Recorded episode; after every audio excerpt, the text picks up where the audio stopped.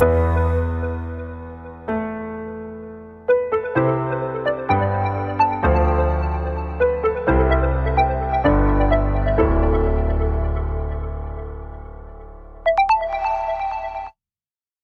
bij deze podcast van Bewust Vaderschap. Mijn naam is Roderick Timmermans en ik help ouders, vaders en moeders bij bewust ouderschap. In deze podcast geef ik zeven tips hoe je om kan gaan met ruzies van je kinderen. Dus kinderen onderling ruzie maken, hoe je daar beter mee om kan gaan. Het is een vraag die heel vaak terugkomt in de online training. ouders daar zich zorgen over maken en niet precies weten hoe je daar goed mee om kan gaan. Vandaar dat ik vandaag dit onderwerp behandel. Ik zal ingaan op de onderliggende oorzaak, hè, waardoor ruzie ontstaat. En ook de dieperliggende dynamieken, en die zorgen voor conflict. En specifiek ook welk aandeel ouders hebben in de ruzies van hun kinderen. Ook zal ik praktische en concrete tips meegeven waar je ook meteen mee aan de slag kan. Nou, met ruzie maken is in principe dus helemaal niks mis. Want kinderen mogen leren om voor zichzelf op te komen of zichzelf te verdedigen. En als je hier als ouder dus constant tussen springt, dan help je je kind niet echt. En vanuit gedachten, zoals eerder naar voren is gekomen in een eerdere aflevering, niet helpen is juist de beste manier om je kind te helpen. En ruzie maken is gezond en ook onvermijdelijk. Immers, elk kind verlangt naar exclusieve liefde en aandacht van zijn ouders. En de uitdaging voor ouders is vaak het exclusieve deel, zeker als je meerdere kinderen hebt. En daar weet ik alles van. En belangrijk dus om te weten is dat je dus ouder ook een rol kan hebben in de onderlinge ruzie van je kinderen. Je kan ervoor zorgen dat je juist ruzie oproept, of dat je vijandige gevoelens de kop indrukt, alleen dat ze onderhuis blijven bestaan. Nou, wij gaan kijken hoe je juist de samenwerking kan bevorderen van je kinderen, zodat ze zelf tot oplossing kunnen komen en waardoor de ruzies dus afnemen. Nou, wellicht vraag je inmiddels nu af van, hey, oh, heb ik een aandeel in de ruzies van mijn kinderen? In de online training komt het echt nog wel eens als shock voor ouders. Alleen nadat ze het begrijpen, zien ze het als een heel waardevol inzicht. Een van de manieren hoe je als ouder ruzies kan stimuleren, is door te gaan vergelijken.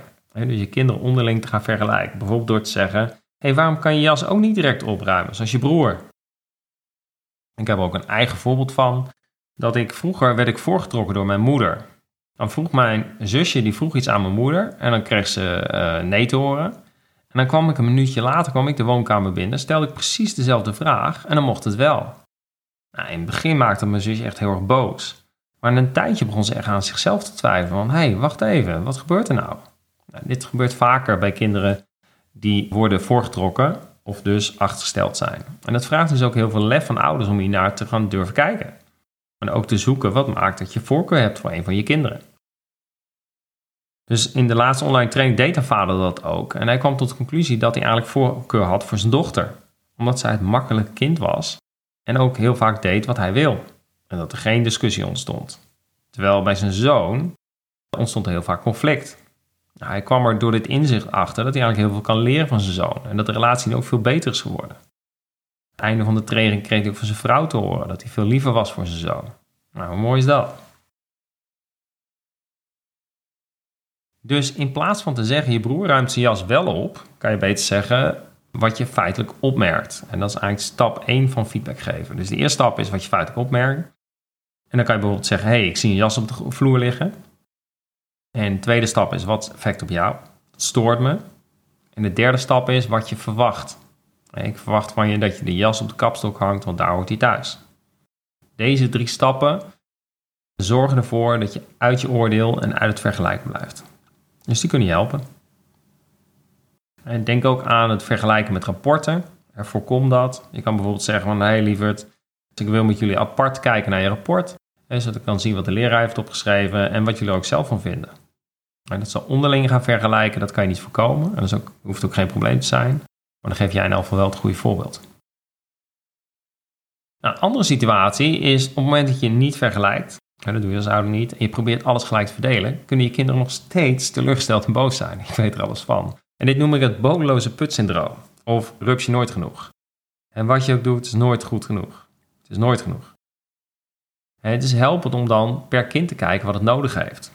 En dus mijn jongste zoon heeft veel meer tijd en aanwezigheid van me nodig, terwijl mijn middelste zoon meer kwaliteit nodig heeft. En dat is echt één op één momenten. En ook je kinderen laten merken dat zij uniek zijn en dat je ook op een unieke manier van hen houdt, kan daarbij helpen. Extra uitdagend wordt als een van je kinderen meer aandacht nodig heeft. En bijvoorbeeld door een verstandelijke beperking, ziekte of stoornis, en bijvoorbeeld autisme. Eigenlijk wat heel vaak gebeurt is dat als een één kind meer aandacht nodig heeft, dan gaat het ten koste van de andere kinderen. En die gaan compensatiegedrag inzetten. En die worden eigenlijk het makkelijke kind. En die vragen weinig van de ouders, spreken een behoefte veel minder uit of helemaal niet meer. En het levert eigenlijk een enorme druk op voor die kinderen. En de valkuil is dat ouders dan denken dat het wel goed gaat met die kinderen, terwijl ze vaak ook aandacht en tijd nodig hebben. Ik ben hier zelf ook tegen aangelopen, omdat mijn uh, middelste zoon eigenlijk ook compensatiegedrag ging inzetten om een makkelijkste kind te worden, omdat mijn oudste zoon meer aandacht nodig had. Maar hij had ook wel degelijk problemen.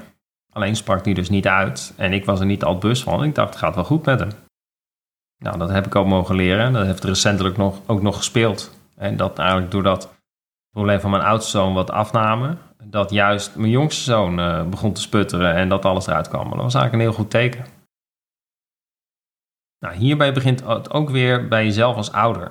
Hoe ga ik er nou zelf mee om? En zo was het voor mij bijvoorbeeld signaal dat ik soms veel strenger was of sneller boos reageerde tegen mijn middelste zoon, het makkelijkste kind, dan mijn oudste zoon, die veel meer aandacht vroeg. En dus ik maakte eigenlijk op een negatieve manier gebruik van de ruimte die mijn zoon bood. Nou, ik werd er echt verdrietig van toen ik hierachter kwam. Een tip is om met het kind dat zich tekort gedaan voelt de afspraak te maken dat jij bijvoorbeeld iedere dag een kwartier voor hem speciaal reserveert. Of één op één momenten creëert, waar ik het eerder over heb gehad in eerdere afleveringen. Het is vaak niet, niet mogelijk om de kinderen dan evenveel aandacht te geven, eh, maar dit kan heel helpend zijn. Nou, naast het vergelijken van ouders draagt ook het geven van labels of etiketten bij aan onderlinge ruzies. Labels als drammer, bij de handje, Pietje precies, autist, lievertje, strebertje, bozerd, driftkikker, aansteller, stommerd, viswijf, heb ik ook gehoord nog recentelijk, luivarken, ga zo maar door. We verzinnen van alles als ouders. Soms een negatief label, maar soms ook een positief label. Maar het bewustzijn is van belang dat beide zijn oordelen. Feit is dat de jongen die de brave Hendrik uh, wordt genoemd, die rol ook zal blijven spelen, omdat het hem liefde en waardering oplevert. Of juist de ondeugende jongen, die jongen die wordt beschuldigd van dat hij altijd wild is, zal zich ook zo wild gaan gedragen, omdat hij en zijn omgeving hem ook zo zien. En negatieve aandacht is ook aandacht. Nou, labels zorgen ook voor een visieus cirkel. Dus een slecht label zorgt voor een tegenreactie van je kind. Het kan zijn dat hij de strijd met je aangaat of dat hij agressief wordt. En want onbewust heb je immers een oordeel richting je kind. Soms kan het ook zijn dat je onbewust je terugtrekt, meer afstand neemt van je kind of minder knuffels geeft. En dat is voelbaar voor het kind, terwijl het kind juist die verbinding nodig heeft om meer tot rust te komen. En dus om minder boos te zijn of minder strijd met je aan te gaan. Nou, waar het dus om gaat is dat we uiteindelijk spiegelen we de vijandigheid van de kinderen terug naar het kind. En dat doen we dus door met labels te komen als lastig, slecht, niet sociaal of hij is altijd boos. Ik ben benieuwd, welke label geef jij je kinderen? En wat zeg je dus tegen je kinderen? En welke labels herinner je je nog van vroeger en die je zelf hebt gehad? En welke gevoelens roept dat op als je daaraan terugdenkt? Nou, door te oordelen, te vergelijken en etiketten op te plakken, creëren we angst, schuld en schaamte bij onze kinderen. Dit zijn dus manieren waarmee je als ouder onderlinge ruzies kan bevorderen, zonder dat je het vaak doorhebt. Nou, ik word er zo blij van als ik mijn kinderen eindeloos samen zie spelen. Hè? Dus hutten bouwen, verstoppertjes spelen, ik kan er echt intens van genieten. Alleen, ik werd er ook bewust van dat ik het persoonlijk maakte, en dus op mezelf betrok, als mijn kinderen ruzie met elkaar maakten. Elkaar uitscholden en elkaar pijn deden. Dan vroeg ik mezelf, ben ik wel een goede vader? En als ik niet oplette, resulteerde dat in een zware teleurstelling die vervolgens weer voelbaar was voor mijn kinderen. En de kunst is dus, als dus voor mij, maar wellicht kan het jou dus ook helpen, om om te leren gaan met die negatieve situaties, maar ook die bijbehorende gevoelens. als ze elkaar pijn doen of eh, als er boosheid is. En dat begint dus bij jezelf als ouder. En dit is meteen de eerste tip, want hierdoor nemen ruzies af. Dus het moment dat ik niet meer meteen boos word als ze elkaar slaan, zorgt het dat het meteen al deescaleert. Want vroeger dook er meteen op en werd het alleen maar erger. Dan werd ik vaak ook onderdeel van de ruzie. Nou, op het moment dat je kinderen ruzie hebben en je wordt dus inderdaad onderdeel van de ruzie, en de kinderen worden boos bij jou, dan is het goed om te bedenken dat het merendeel van alle problemen en conflicten met kinderen een gemis aan bewustzijn is van de dynamieken die er plaatsvinden. En daarmee bedoel ik dat kinderen ons kunnen triggeren op onze eigen jeugd. En zo had ik bijvoorbeeld een vader in de training die zich irriteerde aan het zeurende gedrag van zijn zoon. Het triggerde hem en daardoor kon hij dus niet zijn zoon zien met zijn gedrag. Hij overreageerde en werd heel snel boos. En het kwam omdat zijn eigen broer vroeger altijd zeurde en daarmee de aandacht van zijn ouders kreeg en hij niet. En negatieve aandacht is ook aandacht. Dus zijn zoon triggerde hem in het gemis van vroeger. Dus door onze eigen emotionele patronen te gaan bekijken, kan je dus je kinderen helpen. En wellicht kan je een situatie terughalen van de afgelopen tijd waarbij je kinderen onderling ruzie maakten en jij merkte dat je getriggerd werd, snel geïrriteerd en niet meer rustig kon reageren. Vraag jezelf eens af, waar werd je op getriggerd? En naar welke situatie van vroeger kan je dit herleiden?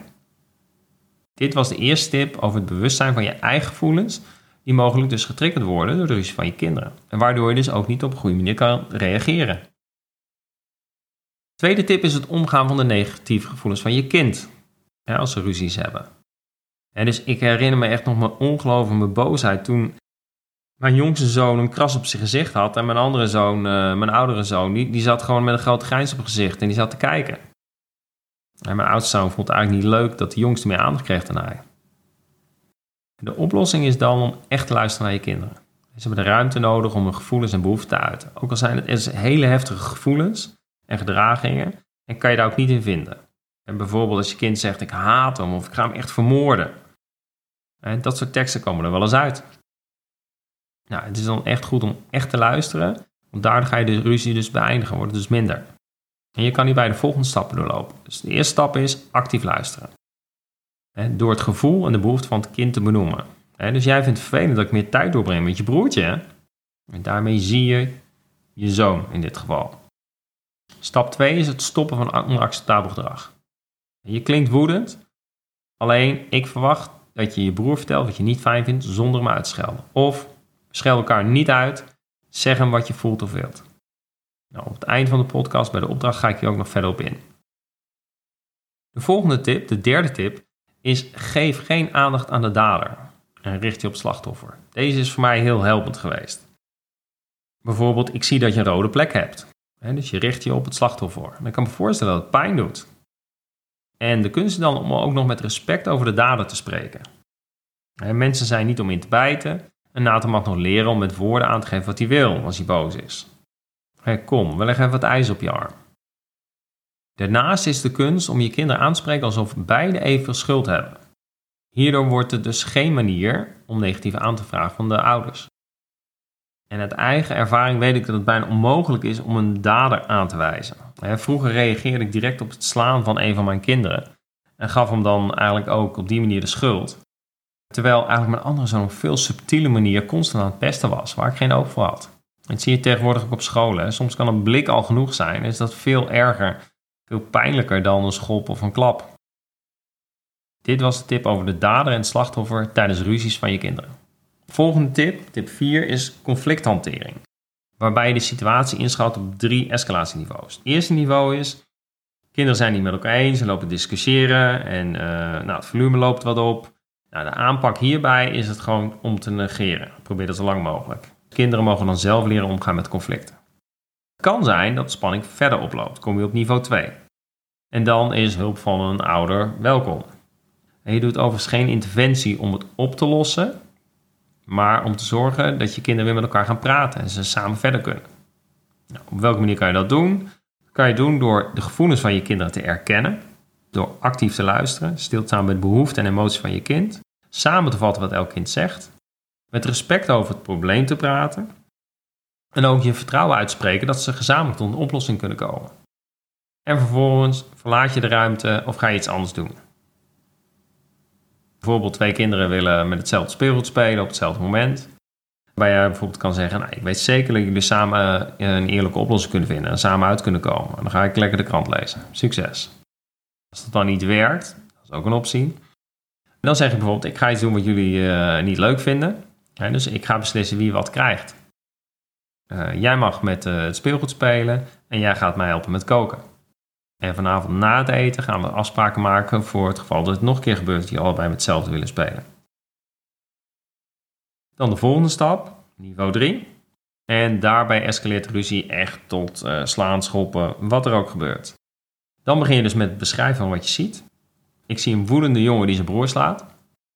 Vervolgens ga je grenzen stellen. Er wordt niet geslagen. Je weet heel goed hoe je duidelijk kunt maken wat je wilt zonder je hand te gebruiken. En daarnaast het ook goed om de volgende stap om de kinderen uit elkaar te halen. Bijvoorbeeld dat je benoemt dat het niet meer veilig is om bij elkaar te zijn, dat er een afkoelperiode nodig is.